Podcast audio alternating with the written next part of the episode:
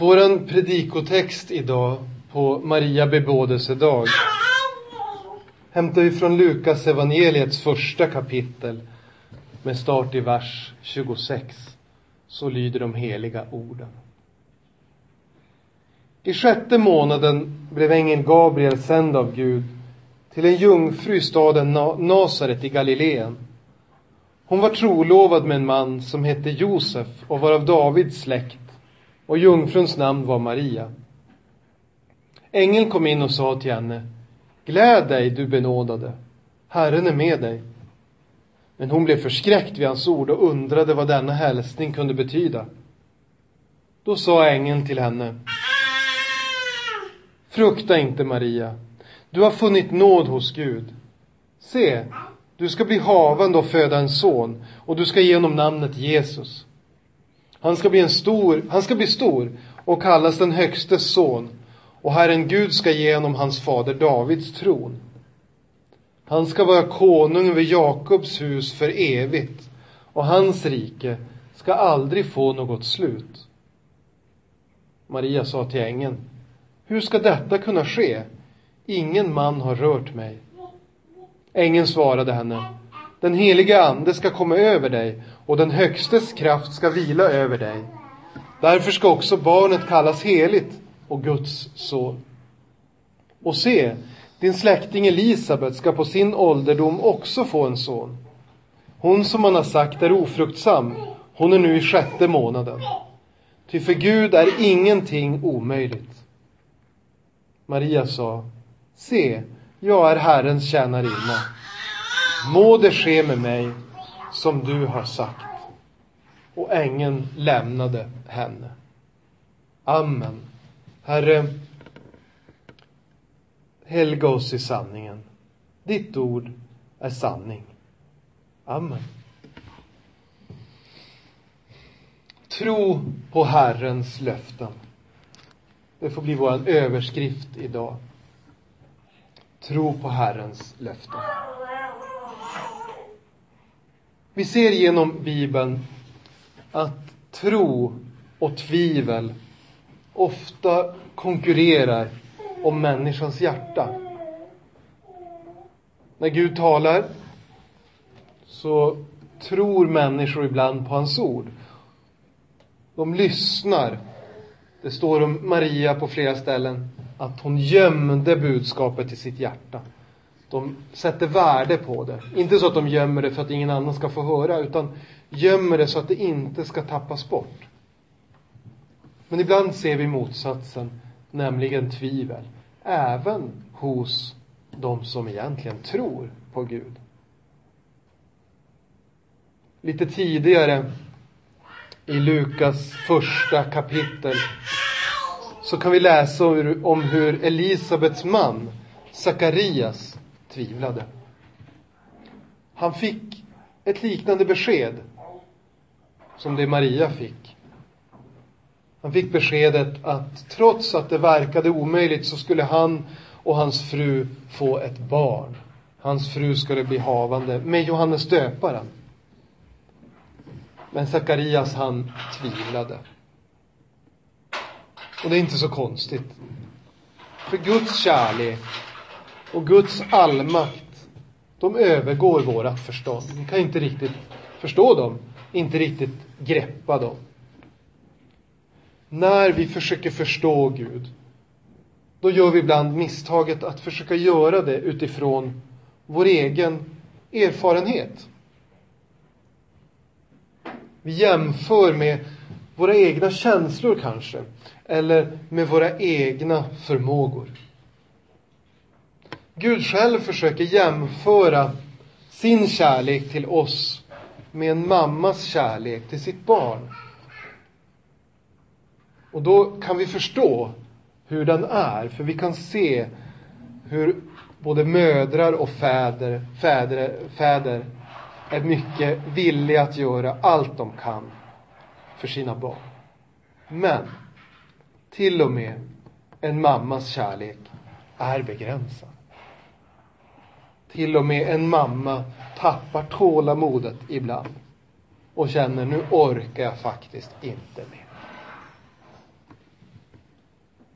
när vi hör om hur Gud är mäktig, då är det lätt att vi jämför med mänsklig makt. De mäktiga världsledare som vi kan se. Men det är faktiskt så att inte ens en diktator som Kim Jong-Il i Nordkorea har total makt. Han vill ha det. Han vill kontrollera allt hans medborgare tänker och säger och gör. Men det kan han inte. Och framför allt, hans makt är obeständig. Helt plötsligt drabbas han kanske av en sjukdom. Eller av att någon annan världsledare sätter ner foten, slår näven i bordet och attackerar. Guds makt är inte som en mänsklig ledares makt. Den är obegränsad. Gud överträffar både våra förväntningar och våra önskningar. Om vi hade fått resa i tiden tillbaks till Edens lustgård och fått intervjua Adam och Eva efter deras syndafall när de hade svikit Gud och hans förtroende. När de hade lyssnat till tvivlet istället för till tron och tänkt när djävulen frestade dem Ja, men det är nog så. Gud har nog missat här lite grann. Han vill inte vårt bästa. Om vi hade fått intervjua dem då och säga nu när ni inser att ni har gjort fel, vad hoppas ni på att Gud ska säga och göra när han förstår det? Vad hade de sagt då, tror ni? Vi hade låtit dem önska hur Gud skulle svara. Eller om vi hade fått tala med Israels folk, där de var fångna i Egypten och klagade över att egyptierna utnyttjade dem och ständigt gav dem mer och mer att göra, mindre och mindre tid att göra det på. När de var missnöjda över sina levnadsförhållanden. Om vi hade fått fråga dem då, vad skulle ni vilja att Gud gör för att hjälpa er? Vad tror ni att de hade svarat? Jag är ganska säker på att det Gud gjorde för Adam och Eva och det Gud gjorde för Israels folk, det överträffade det de hade kunnat önska. Det var mycket bättre. Det var mycket större. På grund av att vi vill förstå Gud utifrån vår erfarenhet så reagerar vi ibland med otro inför Gud och hans ord. Sakarias, han tvivlar på att han ska kunna få en son. Han säger, jag är för gammal. Det går inte. Och sen säger han, min fru är alldeles för gammal. Det går inte.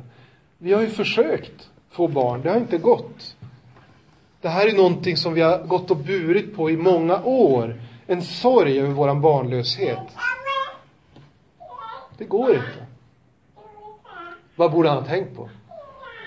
Han som var präst i Guds tempel, han som kände skrifterna, alltså gamla testamentet för oss. Han borde ha tänkt på Abraham och Sara.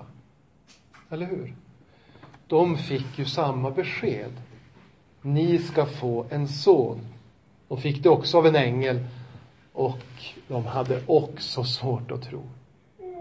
Det står att Sara lite i smyg skrattade sådär. Du log, sa ängeln. Nej, nej då, sa Sara. Det är svårt att tro. Eller hur? Och ibland så tvivlar också vi på Guds löften. Ibland så tvivlar vi kanske på att Gud ska höra våra böner. Trots att han har lovat det. Vi kanske tänker, ah, är jag tillräckligt god för att få min bön hörd? Lyssnar Gud på mig? Är jag tillräckligt viktig? Är inte Gud för upptagen? Ibland kanske vi tvivlar på att Gud verkligen ska skydda och ta hand om oss som han har lovat. Ja, tänker vi, men så här borde det väl inte behöva gå. Ytterligare en motgång som jag inte hade önskat mig. Är Gud verkligen på min sida? Ibland kan tvivlet bli ännu allvarligare. Vi kanske börjar fundera, får vi verkligen vara Guds barn? Kan Gud ha tröttnat på mig? Kan Gud ha sett på min synd och sagt, ah, där måste jag nog dra gränsen. Man måste ändå ha lite urskiljning. Trots att Gud har lovat att ingen ska gå förlorad som han håller i sin hand. Han överger ingen, säger han. Allas, alla synder är borttvättade och förlåtna. Ibland kanske vi kan undra, kan vi lita på att Gud verkligen har bevarat sitt ord? Kan vi lita på Bibeln, att den är Guds ord? Eller kan det vara som bibelkritikerna säger, att det är så mycket fel och, och motsägelser och det är klart det har förändrats med olika kulturer. Kan det vara så att Gud inte har bevarat sitt ord som han ju har lovat? När vi tänker så, när vi har svårt att tro, då kan vi påminna oss om Bibelns exempel. När vi oroar oss för våran bönhörelse, alltså att Gud ska höra vår bön och hjälpa oss, då kan vi tänka på Elisabet. Det är många par idag som är barnlösa. Det är ett ganska vanligt problem i Sverige och i västvärlden. På Jesu tid så var det en skam att vara barnlös. Det var ett stigma. Det var inget som folk tänkte, ja vad synd om dem. Utan man tänkte, det är något fel där alltså. Vi kan tänka oss att Elisabet under många, många år hade vänt sig till Gud och sagt, jag ber att jag ska få ett barn. Och det dröjde. Och det dröjde. Men Gud hörde hennes bön. Det var bara det att han ville att när hon väl fick bönhörelse så skulle det vara så tydligt att det verkligen var bönhörelse. Hon var egentligen för gammal. Hon hade egentligen gett upp. Och då, då får hon en son. Johannes döparen. När vi undrar om Gud verkligen skyddar och tar hand om oss som han har lovat, då kan vi tänka på kung David. Han som hade blivit utvald av Gud att vara kung i Israel. Och så vitt vi förstår av Bibeln, verkligen satte sin tillit till Herren. Och så blir han ändå förföljd av kung Saul. Han får fly, han får gömma sig för soldater, han får sova under bar himmel. Han skriver i Psaltaren om att han, han bara väntar på att bli upptäckt och dödad i sömnen. Vi kan tänka på kung David som efter att han har blivit av med hotet från Saul istället får fly från sin egen son Absalom för att inte bli dödad av honom och än en gång är på flykt som en äldre man. Man kan tänka sig att han undrade, är du verkligen med mig Gud?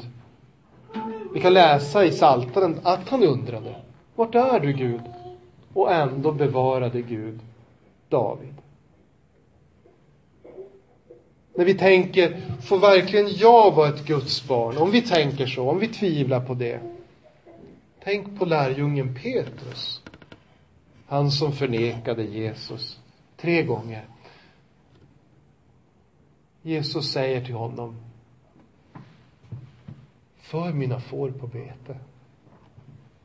Var en ledare i församlingen. Ja, men jag som är så usel, tror jag att Petrus tänkte. Jag som har svikit dig så grovt. Led mina får på bete. Var en ledare i församlingen, säger Jesus. När vi undrar om ordet verkligen, alltså Guds ord, verkligen är beständigt. Kan man lita på det? Håller det vad det lovar? Ja, då kan vi läsa om alla de messianska profetiorna i Gamla Testamentet som folket som lyssnade ibland kanske inte riktigt förstod. Trots att det var så lång tid kvar så bevarade de profetierna. De hoppades att det skulle hända tidigare säkert. Och när Jesus väl föds, när tiden var inne, som det står, då fanns alla profetiorna bevarade. Och Jesus kunde peka på dem och säga, se här, precis som Guds profeter har lovat. Här är jag. Er räddning. Maria, hon tvivlade inte som Sakarias, utan hon trodde. Trots att budskapet hon fick höra också är orimligt för förnuftet. En jungfru, en oskuld kan väl inte bli med barn? Det här är ju långt innan provrörsbefruktning och andra sådana behandlingar. Vår nuvarande ärkebiskop Antje Jackelén hamnade i lite bryderier när hon kandiderade till ärkebiskop. Det var en intervju med några olika kandidater och så skulle folk få höra vart de står. Och då sa hon, jungfrufödelsen, den ska ju inte förstå, förstås biologiskt. Alltså den ska ju inte förstås som att Maria blev med barn genom ett under. Då missförstår man hela berättelsen, säger hon. Och så fick hon kritik för det. Så då vill hon förtydliga sig. Då sa hon så här. Det är viktigt att inte hamna i ett av två diken. De som tror att jungfrufödelsen är någonting bokstavligt. Eller de som inte tror på den alls. Jag vill vara lite mittemellan. Jag tror på det, men inte som det står beskrivet i Bibeln, kan man beskriva det som. Och inte att det skulle vara en jungfru som födde ett barn. Utan jungfrufödelsen är någonting annat. Det är ett ja i hjärtat. Så det är så. Ja, och, och man kan ironisera över att Svenska kyrkans högsta ledare inte tror på Bibeln. Det är ingen nyhet.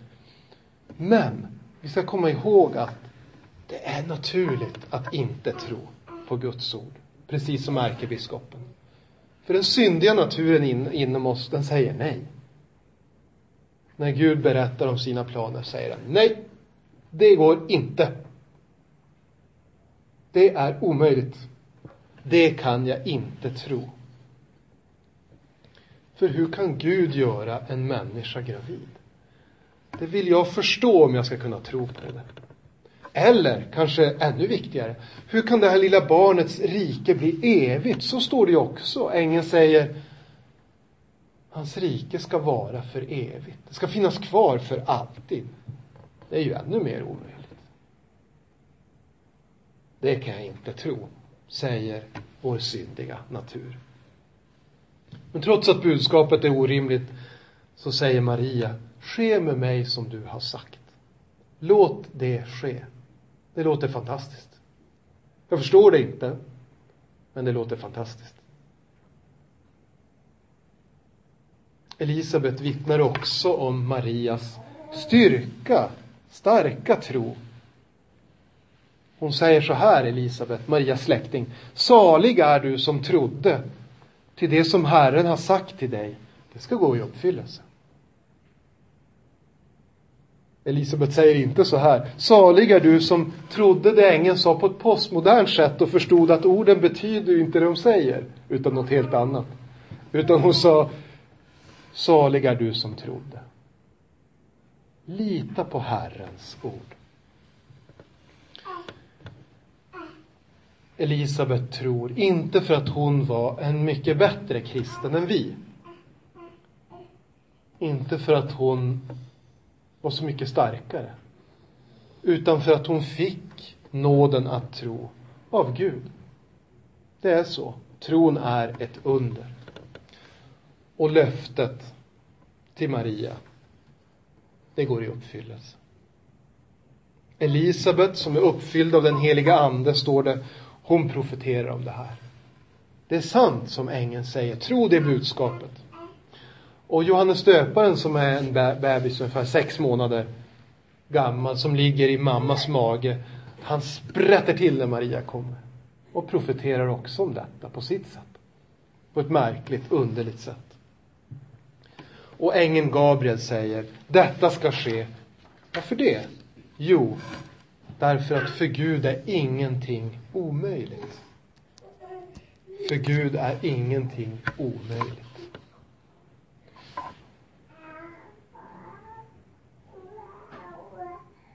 Jag tror inte att någon av er har mött en ängel på det där sättet som Maria gjorde. Och fått ett sånt märkligt budskap förkunnat för er.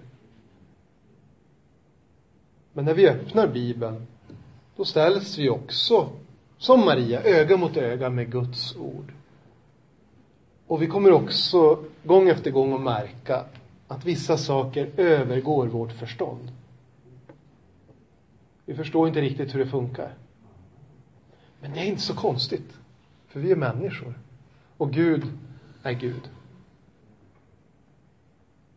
Vi kan inte riktigt sätta fingret på hur Gud är och fungerar. Vi kan inte föreställa oss en varelse som funnits i all evighet. Och vi har svårt att förstå vad han skulle med mig till. Varför har han kallat och omvänt och upplyst mig? Varför vill han att jag ska vara hans barn? Det är jättesvårt att förstå. Och ändå är det Guds nådiga vilja. Som kristna vill vi förstå så mycket vi kan av Guds ord och av hans plan. Och han vill det också att vi ska förstå. Men vi kan inte förstå allt. Och det är delvis därför som det är fråga om tro. Kristen tro. Maria fick nåden att ta emot ett märkligt, underligt budskap. Hon fick nåden att hålla fast vid det i sitt hjärta, trots att människor måste ha ifrågasatt det och skrattat lite åt det och hånat henne. Antingen bakom hennes rygg eller rakt upp i ansiktet. Men hon litar på Herrens löften. Och det vill vi också göra. Amen. Låt oss be. Käre himmelske Fader. Vi tackar dig för de många förebilder i tron som du berättar om i Bibeln. Tack för Jesu mor Maria. Tack för att hon trodde på ditt underliga, märkliga budskap. Tack för att hon bar den hemligheten i sitt hjärta. Men för att hon också berättade om den. För Lukas till exempel, som skrev Lukas evangeliet. Vi tackar för att du genom ett liknande under gör så att människor än idag tror på ditt ord istället för att säga nej, det går inte. Nej, det är inte möjligt. Hjälp oss kämpa med vår otro och våra tvivel. Vi tror. Förlåt vår otro. Amen.